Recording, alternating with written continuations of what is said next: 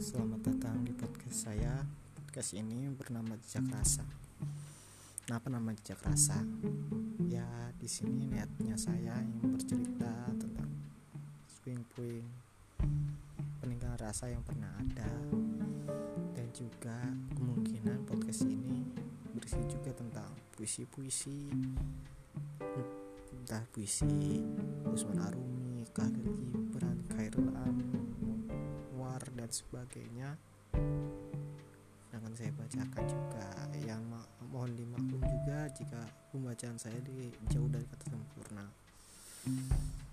Di sini juga bukan tentang tentang pembacaan puisi saja tapi juga beberapa cerita tentang cerita saya atau teman-teman lainnya. Mungkin itu aja. Selamat malam